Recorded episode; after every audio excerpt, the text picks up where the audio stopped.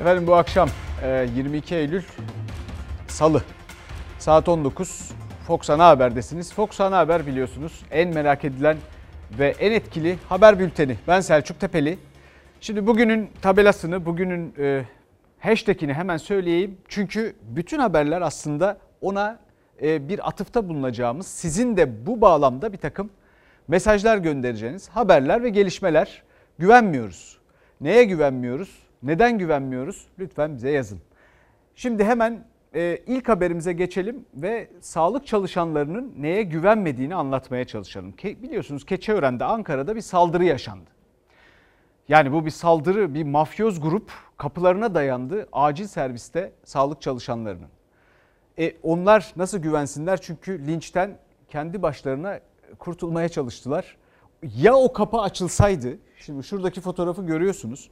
Ya o kapı açılsaydı ve o mafyoz grup içeri girip o insanlarla yüz yüze gelseydi. Efendim abla. Hasta yakınlarının zor kullanarak girmek istedikleri yer acil servis içindeki hayata döndürme odasının kapısı. Sağlık çalışanlarının sedyelerle kapı arkasına barikat kurup kendilerini korumaya çalıştığı o anlar. Görüntüler Türkiye'yi ayağa kaldırdı.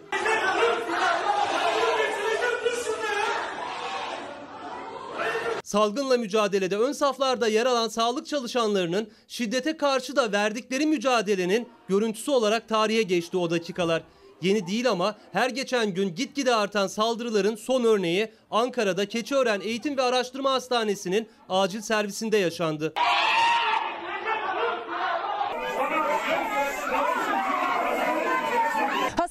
Bahçesinde 50-60 kişilik bir grup, içeride ise 20-30 kişilik bir grup doktorların olduğu acil kapısının önüne dayandı. Doktorlar can havliyle kendilerini korumak için set oluştururken kapının öbür tarafında da güvenlik görevlileri adeta etten duvar ördüler.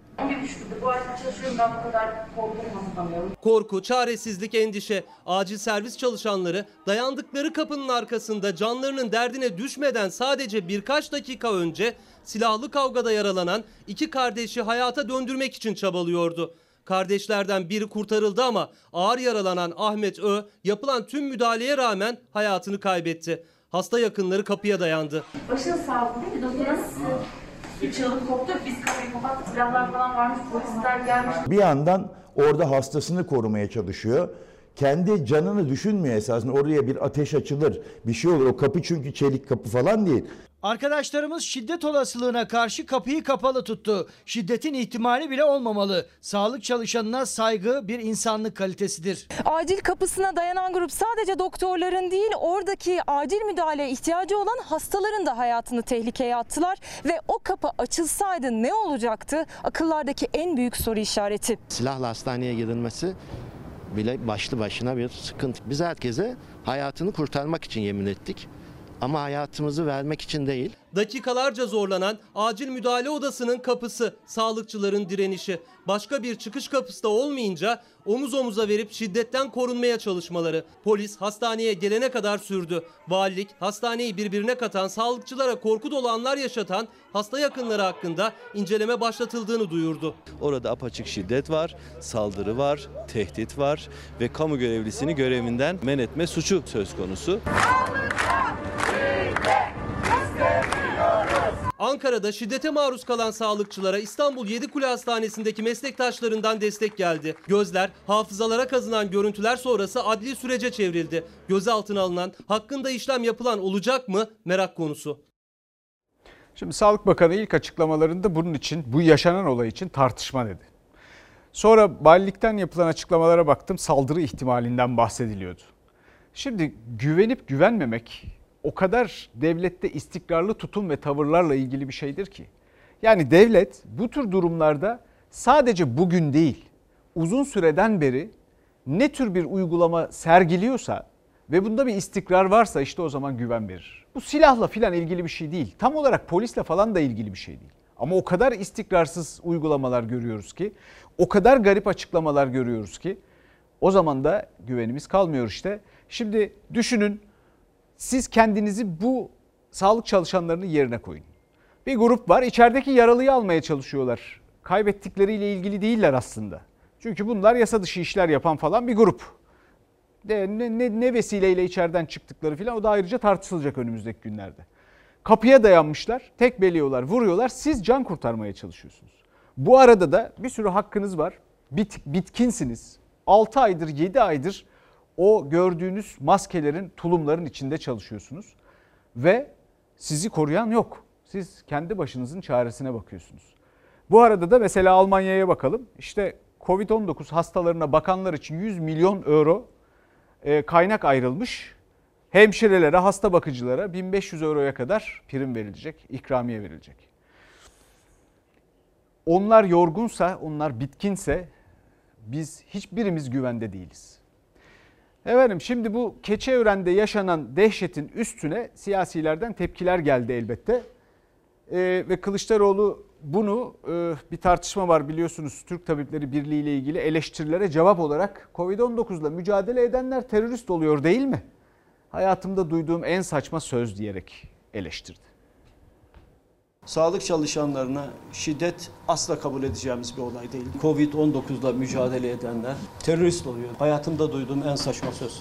Türk Tabipleri Birliği'ni ziyarete giden Kılıçdaroğlu'nun yakasına takılan siyah kurdele kendisini hangi kirli güçlere teslim ettiğinin utanç nişanesi olarak hafızalarda yer edecektir. Dünkü fiziksel şiddeti Milliyetçi Hareket Partisi'nin liderinin ve temsilcilerinin sağlık çalışanları üzerinde uyguladıkları psikolojik şiddetten de bağımsız görmüyoruz. Keçiören Devlet Hastanesi'nde sağlık çalışanlarının şiddetle karşı karşıya kaldığı günün sabahında CHP lideri Kılıçdaroğlu yakasına siyah kurdela takılarak Türk Tabipleri Birliği'ni ziyaret etti. CHP MHP hattı ısındı. Sağlık Bakanı'nın açıklamaları da iktidar CHP hattında gerginlik yarattı. Çok sayıda kişi ateşli silahla yaralanan müdahalelere rağmen kurtarılamayan yakınlarını kuralları zorlayarak görmeye çalıştı. Arkadaşlarımız şiddet olasılığına karşı kapıyı kapalı tuttu. Şiddetin ihtimali bile olmamalı. Devlet geçit vermeyecek. Sayın Bakan'ın konuyla ilgili tweet'i olayı hafifleten adeta e, saldırganların sırtını sıvazlar bir tavır içerisinde. Orada apaçık şiddet var, saldırı var. Bakanın aslında açıklaması açılacak tahkikatın da e, nasıl sonuçlanacağını ortaya koyuyor. Keçiören Hastanesi'nde sağlık çalışanlarının yaşadığı şiddetin sıcağında Sağlık Bakanı'nın yaptığı ilk açıklama CHP'yi kızdırdı. Fahrettin Koca ise olayın sabahında yeni bir açıklama daha yaptı. Olayda hiçbir sağlık çalışanımız zarar görmemiştir ama olayın kendisi hepimiz açısından güçlü uyarı değeri taşımaktadır. Nedenler çok açıktır. Risk oranı sağlık çalışanlarında yüzde 85. Ne olduysa birdenbire sağlık çalışanları suçlu oldu. 97 sağlık çalışanı hayatını kaybetti. Bunlar hükümeti uyarmayacak da kim uyaracak? Doktorların çatı kuruluşu Türk Tabipleri Birliği hükümetin Covid politikalarına karşı ses yükseltti. MHP lideri Bahçeli'den Türk Tabipleri Birliği'nin kapatılması ve soruşturulması için peş peşe iki çıkış geldi. Türk Tabipleri Birliği sürekli korku aşılıyor. Bu ihanet odağının açıklamaları kalpleri ferahlatmıyor. Derhal kapatılmalıdır. Yöneticilerinden hesap sorulmalıdır. Siyaset kurumlar içinde yaşadıkları bütün tabloyu net bir şekilde sunuyorlar. Asıl suçlu dinlemeyenlerdir. Sağlık çalışanları günün 24 saatinde çalışıyorlar. Hangi politikacı günün 24 saati çalışıyor? MHP Türk Tabipleri Birliği'ni ve destekleyen siyasi partileri hedefe koydu indirmiyor. CHP ise sağlık çalışanlarının talepleri dinlensin, Covid meslek hastalığı sayılsın, sağlık çalışanlarına şiddet son bulsun diyor. Şimdi terörün tanımına açın bir bakın. Efendim insanları dehşete düşürerek toplumsal düzeni bozmak, umutsuzluğa sevk etmek. Şimdi burada bu adamların o kapıya dayanarak yaptığı her şeyde bu tarifin bir parçası var. Bunlar terörist, boş verin saldırganı filan. Böyle hafife alınacak falan bir şey değil. İlk kez sağlık çalışanları saldırıya da uğramıyor ayrıca. Ama bu bu artık gerçekten tahammül fersa artık insanın aklının almadığı bir nokta. Kapılara dayanması, bir kalenin kapılarıymış gibi zorlanmasını düşünün ya. Bunun bunun yaratabileceği bir dehşet var ve o dehşetin yüze yakın şehit vermiş ki işte Covid-19'la mücadele eden bu insanların kayıplarına şehit demeliyiz. Biz öyle diyoruz. Ben şahsen öyle diyorum hiç kimse olarak. Ondan sonra da karşılarında yükselen eleştirileri bir daha gözden geçirin. Efendim, e, şimdi olasılıkmış. Şimdi bunu devam ettirmek istemiyorum ama aklıma da geliyor. Yani saldırı olasılığı filan gibi ifadeler Sağlık Bakanı'nın biraz önce gördüğünüz ifadeleri doğrusu aklımdan çıkmak bilmiyor bir yandan da. Şimdi e, Bu Temmuz ayına kadar siyaset bulaşmadan bu mücadele iyiydi. Bilim devreden çıkmaya başlayınca böyle oldu. Ama şimdi toparlamaya çalışıyor hükümet elbette. Dün bir kabine toplantısı vardı. Cumhurbaşkanı Erdoğan toplantı sonrasında açıklamalar yaptı. Evet şimdi en çok kimler dikkat ediyor maske takılmasına? En çok en bilinçli hareket edenler kimler bu virüs karşısında? Bizim 65 yaş üstü e, kıdemli vatandaşlarımız. Ama onlar şimdi olağan kısıtlılar çünkü yine onlara kısıtlama geliyor. İl bazında 65 yaş üstü vatandaşlarımızın ulaşım saatlerinde sınırlama yapılabilecektir. Önce kendilerine baksınlar. Onlar maske takmıyorlar. Toplantıları onlar yapıyorlar. İlk kısıtlama sinyali yine 65 yaş üstü için geldi. İldeki vaka sayısına göre 65 yaş üstüne ulaşım kısıtlaması yapılabilecek. Cumhurbaşkanı Erdoğan kabine toplantısı sonrası alınan kararları açıkladı. Koronavirüs önlemleri kapsamında ceza alıp ödemeyenlerin kamudaki işlemleri yapılmayacak. Maske ve mekan denetimlerinde uygulanan cezaların bazı kamu kurumlarında yapacak işlemler öncesi ödenmiş olması mecburi hale getirilecektir.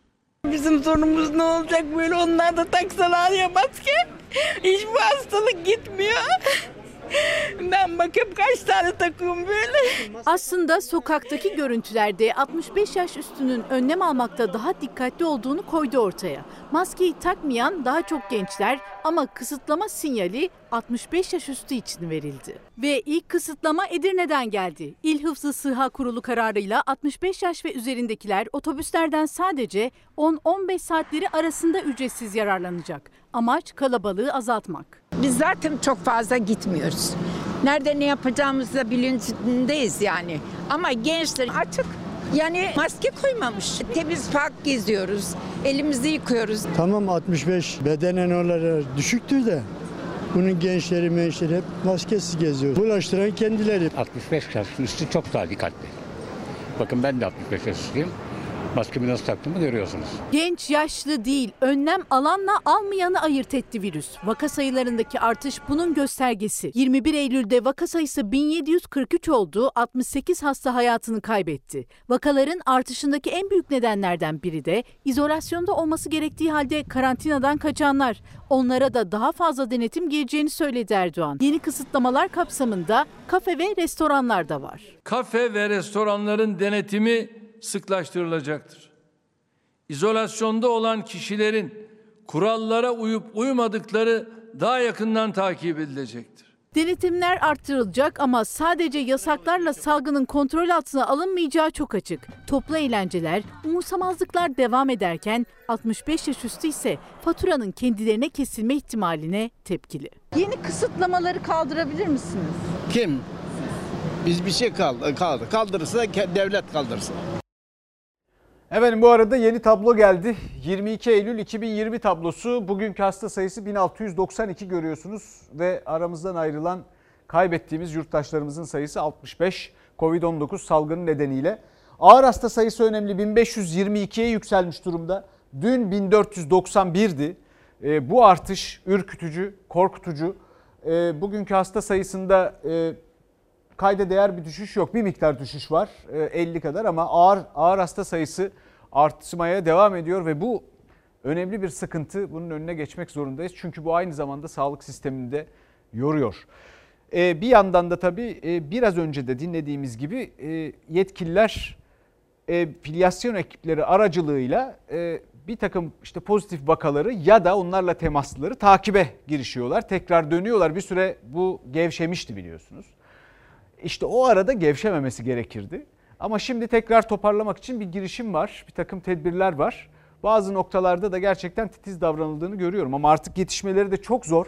Çünkü bir kere vaka sayısı gerçekten hızla artıyor. Diğer yandan da filyasyon ekipleri binlerce çalışanını Sağlık Bakanlığı buraya yönlendirmesine rağmen yorgunlar. Hatta bazıları pozitif.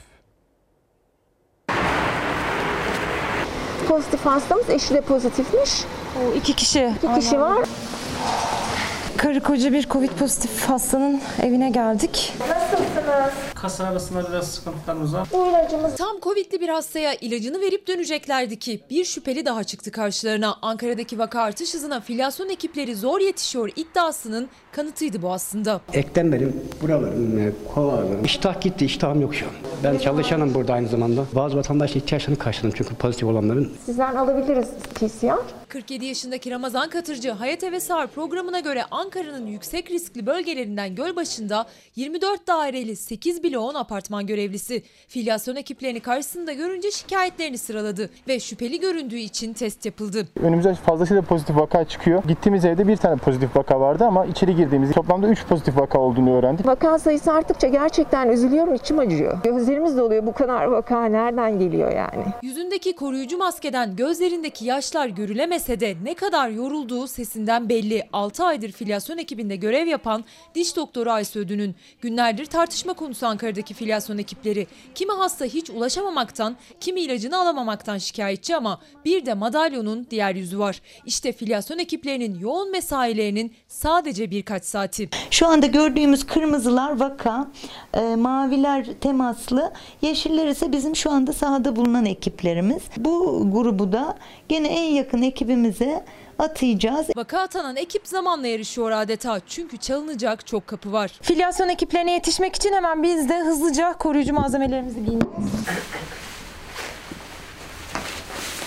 6 aydır filyasyon işinde çalışıyorum. Gerçekten yorulduk. Hepimiz yorulduk. 12 yaşında bir kızım var. Mümkün olduğunca uzak durmaya çalışıyoruz. Hiçbir şekilde normal hayatınıza da devam edemiyorsunuz. Vakalara yakınsınız, virüse yakınsınız. Eve gidiyorum e, kardeşimle bile e, aynı sofrada yemek yememeye çalışıyoruz. Şu bile yeterli zaten. Sağlık çalışanlarının aylardır döktüğü terin yanında bir hiç ama göstermek istiyorum. Sadece bir saatte bu kıyafetin, bu malzemelerin içinde durdum ve sırılsıklam su içinde kaldım. Şimdiye kadar Türkiye genelinde 30 bin sağlık çalışanı Covid-19'a yakalandı. Filyasyon ekipleri de mücadelenin en ön safında tehlikeyle her gün burun buruna. Birlikte çalıştığım doktor arkadaşım ve yardımcı personelim de Covid oldu. Bu bizi gerçekten çok üzdü. Vaka sayısı arttıkça içim acıyor.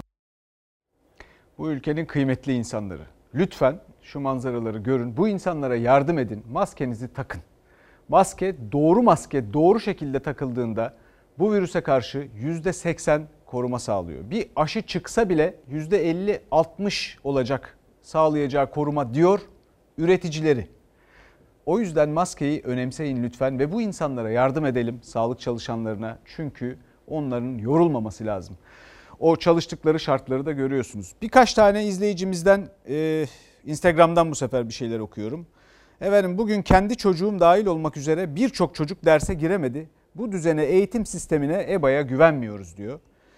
Efendim e, yemin ederim doğa hariç hiçbir şeye güvenmiyoruz diyor bir başkası. Bu adaletsiz sisteme insanları mağdur eden düzene salgında verilen bu rakamlara güvenmiyoruz diyor bir başka izleyicimiz.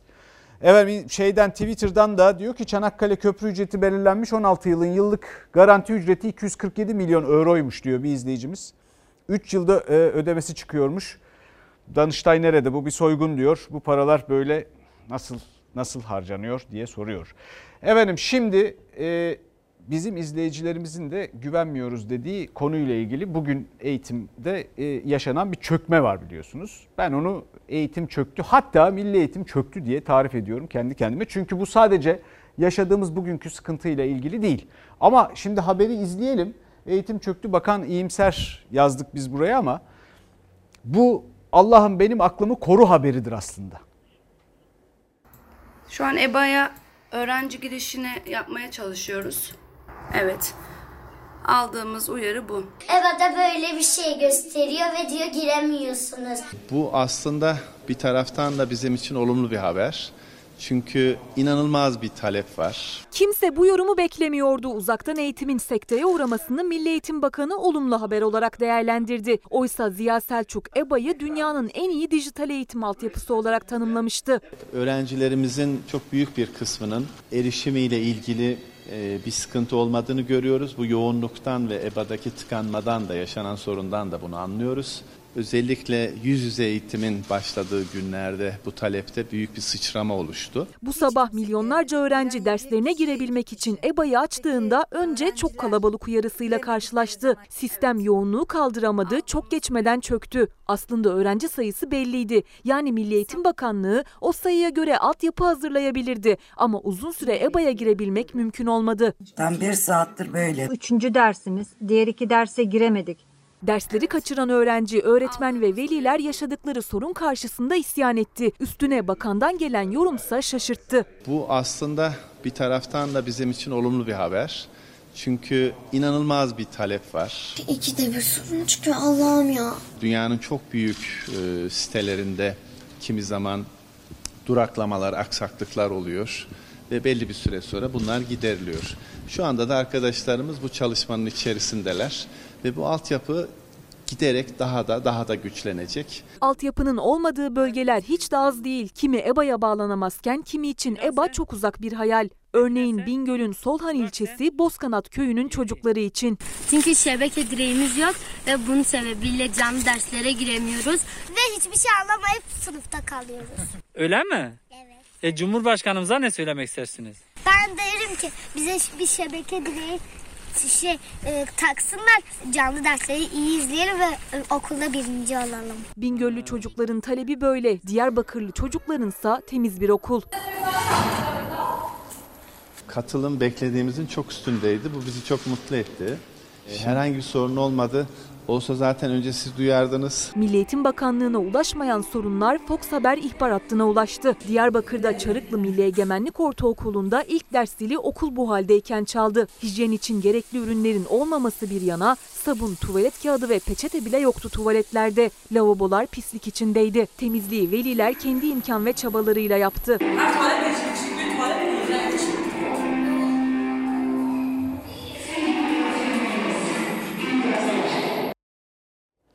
Şimdi bu öğrencileri izlediniz.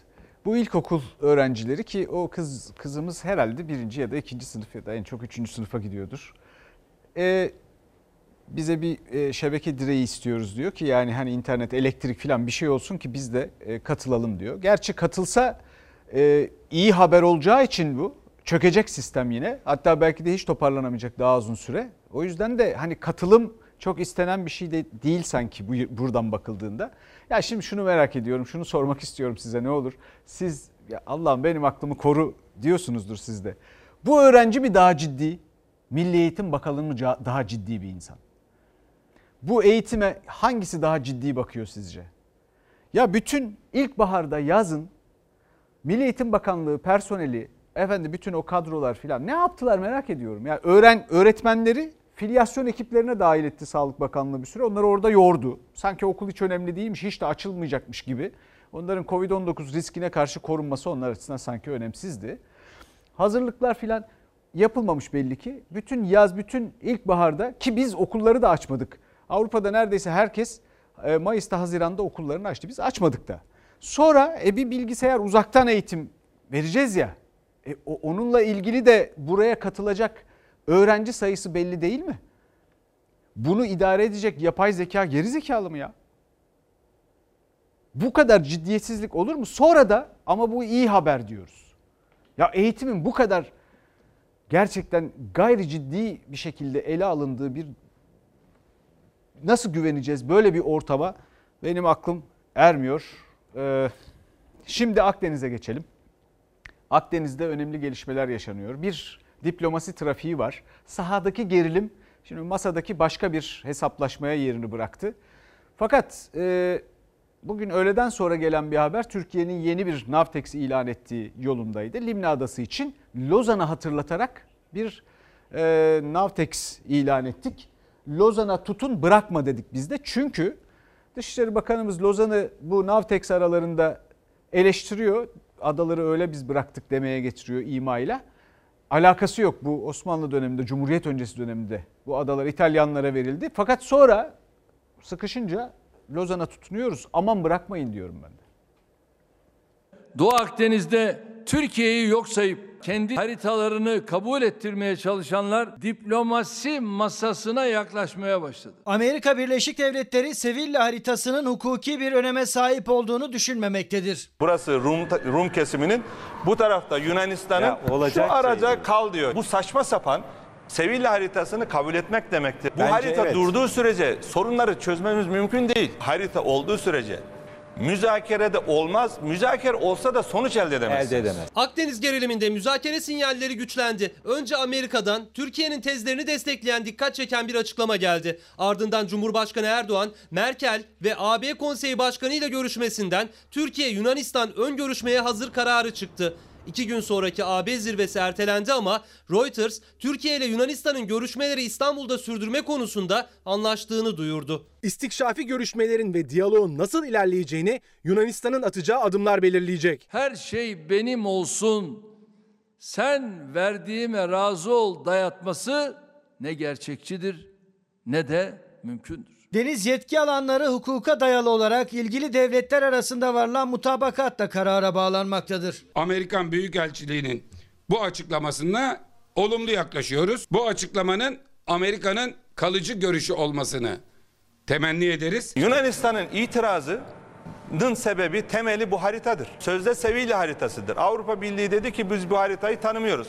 Bizim için bir geçerliliği yoktur dedi. Siyasi ya da hukuki olarak. Saçma sapan bir şey diyorlar. Yunanistan'ın dayatmaya çalıştığı sözde Sevilla haritası Akdeniz geriliminin temelini oluşturuyor. O haritaya göre Yunanistan'ın deniz sınırları Meis Adası'ndan başlayıp Güneydoğu Akdeniz'in ortasına kadar iniyor ve Türkiye'ye Antalya Körfezi dışında bir çıkış bırakmıyor. Cumhurbaşkanı Erdoğan diyalog çağrısını yinelerken Yunanistan'ı da bir kez daha uyardı. Aksi yöndeki hiçbir dayatmaya, tacize, saldırıya asla müsamaha göstermeyeceğimizi de açıkça ifade etmek istiyorum. Sayın Erdoğan da diplomasi kapımız açıktır diyor. Niye bunu iki bir ay önce söylemedi? Türkiye Batı Trakya'da e, namluları çevrilmiş Amerikan tanklarını gördükten sonra diplomasiye geldi. Haklı olduğu bir meseleyi anlatmakta diplomasi yetersiz kalmıştır. Sevilla haritasıyla Türkiye'yi Antalya Körfezi'ne hapsetmenin önüne geçmenin yolu Mısır'la münhasır ekonomik bölge anlaşması yapmaktır. Lozan ve 1947 Paris Barış Anlaşması'na göre silahsızlandırılmış adaları silahlandırmaya başlıyor. Yunanistan'ın Ege adalarını silahlandırmasını Lozan imasıyla açıklamıştı Dışişleri Bakanı Çavuşoğlu. Lozan dayanak yapılarak Ankara Ege'de ikinci kez Navtex ilan etti. Yeni Navtex'le Limme Adası'nın 1923 Lozan Anlaşması'yla belirlenen gayri askeri statüsü ihlal edilmiştir denildi. Şimdi bu konu karmaşık bir konu. Çok da uzatmak istemiyorum. Fakat bir, bir şeyin altını çizmek istiyorum. Efendim hayatı cephelerde savaşarak geçmiş bir adamın. Mustafa Kemal Atatürk'ün. Özellikle de Mudanya mütarekesinden yani Yunanlıları denize döktükten sonra Lozan Barış Antlaşması'na kadar geçen sürede neler yaptığını, pazarlık masasında ve dışarıda diplomasiyle e, cephe arasında nasıl bir denge kurduğunu çok iyi tahlil etmek lazım. Çünkü bu tür masalarda biz yeterince hak ettiğimiz kadarını, bu ülkenin gücü kadarını kazanamıyoruz. Şimdi birçok geçmişten örnek veririm. Çok da geçmiş değil 3-5 yıl öncesinden. Suriye'de neredeydik, nereye geldik, başka yerlerde neredeydik, nereye geldik. Mesela Amerika Dede Ağaç'ta niye üst kuruyor filan. Bunların bir kere daha gözden geçirilmesi lazım. Başladığımız noktada mıyız? Daha geride miyiz? Bu masalarda da insanlarla oturup el sıkıştığımızda parmaklarımızı saymamız lazım arkasından. Hepsi tam mı acaba yerinde mi diye. Son bir dakikada e, bir kitaptan bahsedeceğim. Pek çok izleyicimiz de geçen de sordular nedir bu kitap diye. İşte o günleri anlatan bir kitap ama onu hemen son bir dakikada onun yanında bir de başka bir şeyden bahsedeceğim ki o bahsi geçen Paris görüşmelerinde neler yaşanmış. Şimdi güven endeksine geçiyoruz. İşte bakın güveniyor muyuz, güvenmiyor muyuz meselesinin tam böyle odağındaki bir başka konu. Güven endeksi Eylül ayı güven tüketici güven endeksi e, açıklandı. Ama açıklamadan önce endekse bir güven ayarı yapıldı. Ekonomimiz ikinci çeyrekteki kısmi küçülmenin ardından üçüncü çeyrek için çok güçlü yükseliş mesajları veriyor. Önce Cumhurbaşkanı Erdoğan ardından da Hazine Bakanı Berat Albayrak ekonomide güçlü mesaj vurgusu yaptı. Albayrak sosyal medyadan bugün açıklanan güven endeksi rakamlarını duyurdu ama o güven endeksi her zamankinden farklı bir yöntemle hesaplanmıştı. Ekonomimiz 3. çeyrek için güçlü bir yükseliş mesajı verdi. Ağustos'a göre tüketici güven endeksi %3,2 artarak 82 oldu. Veriler iyi geliyor. Yılı tahminlerden iyi bir noktada tamamlayacağız inşallah. Öyle bir dönemde yapıyor ki TÜİK bunları. Maalesef Türkiye İstatistik Kurumu'nun açıkladığı verilere güvenin en düşük olduğu dönemde yapıyor. Bir önceki seneye dönüp bakarsak henüz siz ekonomide böyle şaha kalkmış, toparlanmış, süper giden bir şey görebilmeniz için bir önceki yıla göre daha iyi olmanız lazım. TÜİK tüketici güven endeksi hesaplama yöntemini bir gün önce değiştirdiğini duyurdu. TÜİK artık tüketiciye en çok endişe duyduğu işsiz sayısı beklentisi ve tasarruf etme ihtimalini sormuyor ve yeni haliyle anket ilk kez yayınlandı. Pandemi etkileri kurda yaşanan hareketliliğe rağmen TÜİK'e göre Eylül ayında bir önceki aya göre %3.2 arttı.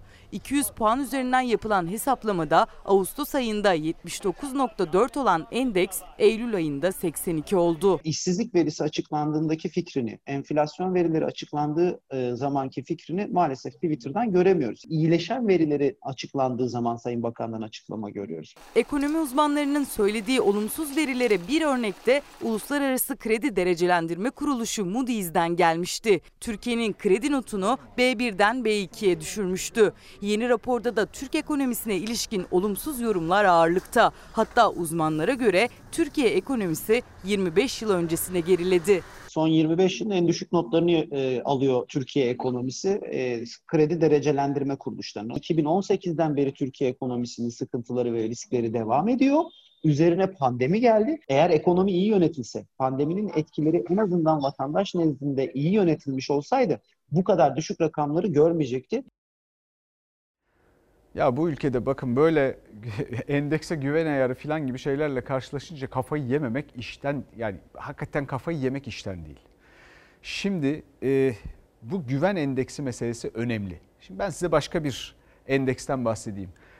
Türkiye yılda aşağı yukarı 8 milyar e, dolarlık filan e, altın ithal ediyor. Bu seneki altın ithalatı daha yılın sonu epeyce var biliyorsunuz yılın sonuna. Daha yılın sonu gelmemesine rağmen 15 milyar doları aştı. Bu kime ne kadar güven olduğunun bir göstergesi. İnsanlar altına sarılıyorlar ki çünkü ileride ne olup ne biteceğine dair kendilerini güvende hissetmek istiyorlar.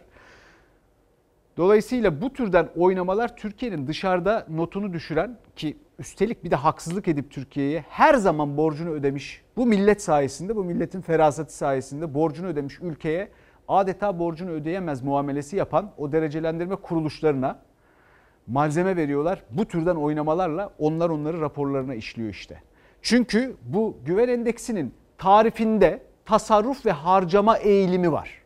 Tasarrufu oradan çıkarıyorsun. Yani işsizliği çıkarıyorsun. Evet şimdi e, bir zamanlar güvenilen bir adamla ilgili e, bir haber var. Sırada Reza Zarrab onun yardımcısı şimdi konuşmuş. Ortalık karıştı siyasette 800 milyon rüşvet iddiasını ortaya attı. Reza Zarrab raporlar incelendiğinde Türkiye'de 538 işlemin şüpheli olarak işlendiği anlaşılıyor. Kamuda 800 milyon dolar rüşvet dağıtılmış. Türkiye Rıza Zarrab'ı Türkiye'de yargılasaydı ve hükmünü verseydi Amerikan mahkemelerinin ve bir takım şantajların esiri haline gelmezdi. Reza Zarrab'ın Amerika'nın İran'a yaptırımlarını delmek için kurduğu Almanya'dan İngiltere'ye, Birleşik Arap Emirlikleri'nden Rusya'ya uzanan küresel para ağı ortaya çıktı. İddialara göre kuryesi Adem Karahan, Zarrab'ın 20 milyar dolarlık bir altın ve para trafiği yürüttüğünü söyledi. Kuryenin iddialarını muhalefet gündeme taşıdı. 25 milyar TL'lik bir ihracattan bahsediyoruz. 20 milyar dolarlık Türkiye'de bir para hareketine aracılık ediyor. Reza Zarrab'ın kuryesinin yaptığı açıklamalardan bu paranın yüzde dördünün yani 800 milyon dolarının rüşvet olarak Türkiye'de dağıtıldığı söyleniyor. Amerika'da bir haber sitesi Reza Zarrab ve onun kuryesi Adem Karahan'ın milyon dolarlık para desteleriyle çekilmiş fotoğraflarını da paylaştı ve Karahan'ın açıklamalarına yer verdi haberinde. Karahan'ın iddiasına göre Zarrab o süreçte kendisine valizler dolusu para taşıtırken Türk yetkililerden korkmana gerek yok diyerek güvence vermiş. Kamuda 800 milyon dolar rüşvet dağıtılmış. Bunlardan birkaçını biliyoruz. Bu rüşvetler nereye gitmiş? Siyasi etik yasası bilinse ve uygulansaydı o ilişkilerin çoğu olmazdı. Amerika'da savcılar 2010 ile 2015 yılları arasında Zarrab'ın Amerika'nın İran'a dönük yaptırımlarını delerek en az 20 milyar dolarlık para transferi yaptığını öne sürmüşlerdi. Bugün herkes acaba Rıza Zarrab ne diyecek, ne açıklayacak, kim ne aldı diye onun merakı içinde. 800 milyon dolar rüşvetin dağıtıldığı memlekette sus pus oturmak, üç maymunu oynamak Erdemler Hareketi'nin geldiği noktayı mı gösteriyor? Muhalefet Amerika'dan kuryeden gelen iddia ve itiraflarla Zarrab dosyasını yeniden açtı. Eleştiri oklarının hedefinde AK Parti hükümetleri var. Şimdi biraz önce dedik ya e, altın ithalatı patladı diye 15 milyar doları aşınca müteahhit cuntası da gözü kanla, gözünü kan bürüdü herhalde. E, her tarafta altın aramaya başladılar. Her tarafta bir takım maden ruhsatları verildi. Şimdi işte e, bin tonun üzerinde bir altın çıkarılması planlanıyor. E, bu arada da tabii yeşile sahip çıkmaya çalışan insanlar var. Ama onlar da gözaltına alınıyor. Niye gözaltına alınıyor? E, çünkü e, işte Covid-19 yayılıyor filan diye. Sığındığımız metruk bina iş makinalarıyla yerle bir ediliyor. Nöbet alanına sokulmuyoruz. Sabah 6.30'da çadırımda uyurken jandarmanın sesiyle uyandım. 200'e yakın personel etraftaydı. Bizi zorla alandan çıkardılar. Siz Kaz Dağları'ndan çevre gönüllülerini değil, altın madencilerini, termik santralleri çıkarın. Dört çevreciye karşı yaklaşık 200 jandarma ve orman muhafaza memuru sabah çadırlarından ve nöbet tuttukları binadan çıkarılıp gözaltına alındılar. 425 gündür süren su ve ağaç nöbeti salgın döneminde virüsün yayılmasını önlemek için denilerek zorla bitirilmek istendi. Ama yanılıyorlar. Bizim Kaz Dağları'yla bağımız var. Biz bu mücadeleden vazgeçmeyeceğiz. Çanakkale Kirazlı Köyü Balaban mevkiinde 26 Temmuz 2019'dan bu yana çevreciler dönüşümlü olarak nöbette. Çünkü Alamos Gold'un altın madeni için ağaçları kesmesi büyük tepki uyandırmıştı. Hala madenin çalıştığını gözlemleyen çevreciler nöbeti bırakmadı. Üstelik Alamos Gold Kaz Dağları'nda tek maden şirketi olmayacaktı. Maalesef saray iktidarı Alamos Gold'la, Cengiz Holding'le, altın madencileriyle el ele vermiş, Kaz Dağları'nı delik deşik ediyorlar. Cengiz Holding kastaların Cengiz. Cengiz kimdi Cengiz? Nereliydi? Altın madeninden sonra iş adamı Mehmet Cengiz'in sahibi olduğu holdingin bakır madeni projesi de gündeme geldi. Pandemide yasak olmasına rağmen şirket geçen hafta chat toplantısı yapınca köylüler hem projeye hem de salgında bu toplantıya onay verilmesine tepki göstermiş, jandarma biber gazıyla köylülere müdahale etmişti. Canlı canlı mezara girmek istemiyordu biz. Pandemi koşullarında yapılmasının riskli olduğunu söylediğimiz bir toplantının sonucunu şu an yaşıyoruz ve nöbet alanımız tahliye edildi. Çet toplantısına izin veren makamlar dört çevrecinin Kaz Dağları'nda nöbet tutmasına izin vermedi. Sabahın ilk ışıklarında jandarma baskınıyla Sema Demir, Canan Hakko, Seçkin Barbaros ve Onur Uysal virüsün yayılmasına sebep olmaktan alelacele uykularından uyandırılıp jandarma karakoluna götürüldüler. Kameranın önünde giyinilecek şekilde e, videolarımızı çekerek sonrasında tahliye işlemi başladık. Kaz Dağları'na sözümüz var. Her ağacı tek tek savunacağız. Daha önce de yine pandemi gerekçe gösterilerek nöbet tutan çevrecilere toplam 57 bin lira para cezası kesilmiş ve yine aynı gerekçeyle ağaçların akıbetini takip etmek için kullanılan dronların uçuşu da yasaklanmıştı. Çevrecilerin Kaz Dağları'ndan tahliyesine Çanakkale'liler de meydanda toplanarak tepki gösterdi. Siyasetten de ses yükseldi. Bugün dünya için en değerli şey temiz su, temiz toprak. Kaz Dağları çığlık atıyor, bütün dünya duydu, ranta teslim olmuş saray iktidarı duymuyor. Havama, suyuma, toprağıma dokunma. Evet Sayın Cumhurbaşkanı Erdoğan çok doğru bir ifadeyle dünya beşten büyüktür diyor biliyorsunuz. Bunu da şimdi bugün bir Birleşmiş Milletler'de konuşması vardı. Onu yine e, bir şekilde e, tarif etmeye, anlatmaya çalıştı. Bu doğru. Doğru. Yani dünya beşten büyük olmalı çünkü Birleşmiş Milletler Güvenlik Konseyi'nin bu beş üyesiyle bu dünya gitmiyor. Ama bu doğru olan şeyi dünyada uygulatabilmek, dikkate alınmasını sağlayabilmek için tutarlı da olmak lazım. Neden? E işte Türkiye'de beşten büyük. Siz o beşinde ne olduğunu biliyorsunuz. Bu müteahhitlere, bu ülkedeki inşaat sektörünün her yere adeta intikam alırcasına tabiata saldırmasına mani olmak gerek. Çünkü insanlar artık gerçekten nefes alacak yer bulamaz oldular. Şehir içinde, şehir dışında. Yeşille ne dertleri var arkadaş bu insanların? Üstelik o planlara doğayı korumaya e, e, belki bir miktar yardım edebilecek planlara uymuyorlar da. Hiçbir şeyi dinlemiyorlar. Efendim şimdi Çorlu'ya gidelim. Gerçekten yine akla ziyan e, bir haber.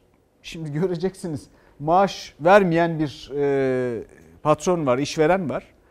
Helallik istiyor ama nasıl bir anlaşma öğren, e, önerdiğini görün şimdi. E, sonra bana buraya yazın yani güveniyor musunuz, güvenmiyor musunuz diye.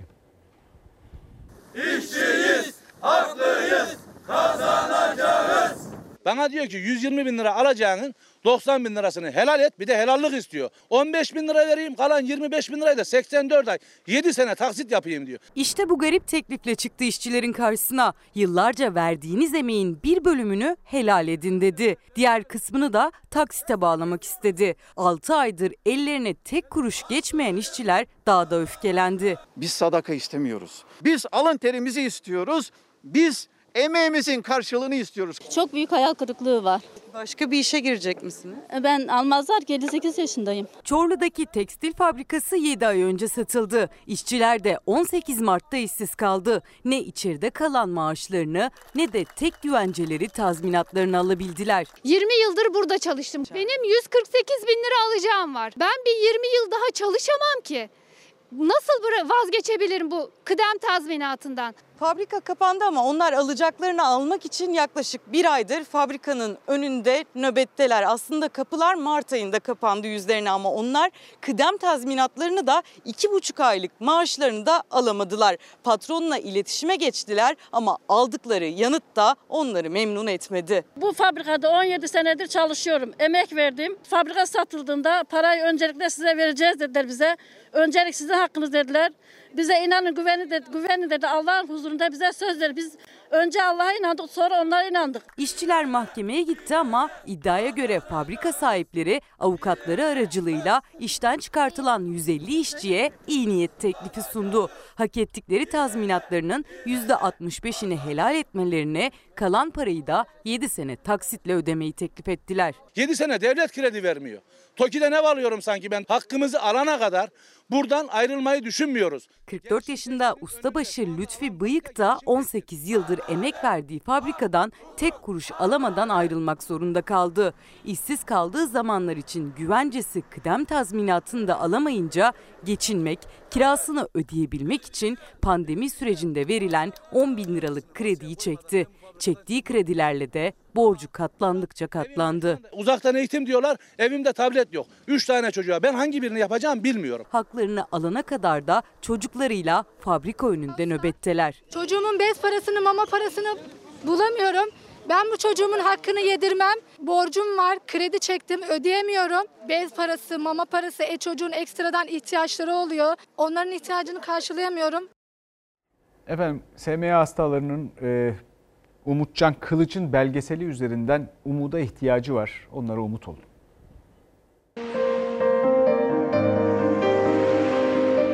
Yürüyemiyorum, emekleyemiyorum. Maalesef. Ben artık yürüyüp koşmak istiyorum. Yatağa bağımlı olmak istemiyorum. Ben artık ilacımı istiyorum ya. Defalarca Sağlık Bakanlığı'na çağrıda bulundu. Tüm SMA'lı çocukların sesi oldu Umutcan. Geç de olsa ilacına kavuştu. Ama yürüyüp koşmak hala ulaşılması zor bir hayal onun için. 7 yaşındaki Umutcan'ın SMA ile mücadelesi belgesel film haline getirildi.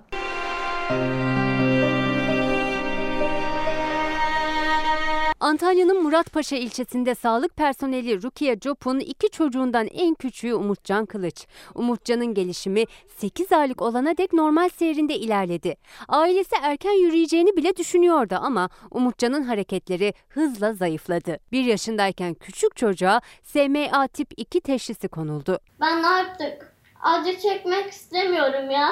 Bunu giydirirken mesela acı çekiyorum ya. Ben artık acı çekmek istemiyorum ya.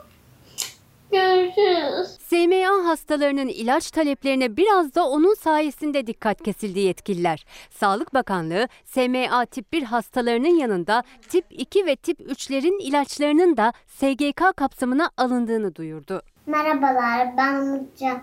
Ben SMA tipi 2 hastasıyım. Sizce bu ilaçlar ne zaman gelecek? Artık her zaman yürümek istiyorum ya. Yürüyüp koşmak istiyorum. Doktorların 5 yaşına kadar yaşar dediği Umutcan şu anda 7 yaşında. Devletin karşıladığı ilaçtan 4 doz kullandı. 5. doza kavuşmayı bekliyor. Az da olsa hareketlerinde olumlu gelişmeler yaşandı.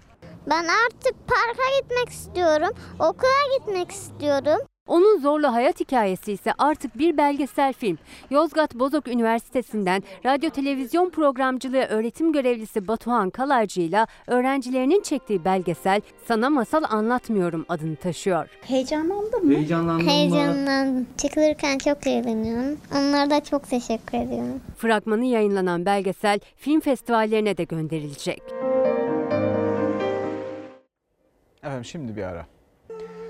Bu ülkenin güzel insanları. Efendim bugünlerde gene Mavi Vatan için önemli mücadele veriyoruz. Masada, sahada, her yerde. Fakat dikkat edilmesi gereken bir şey var.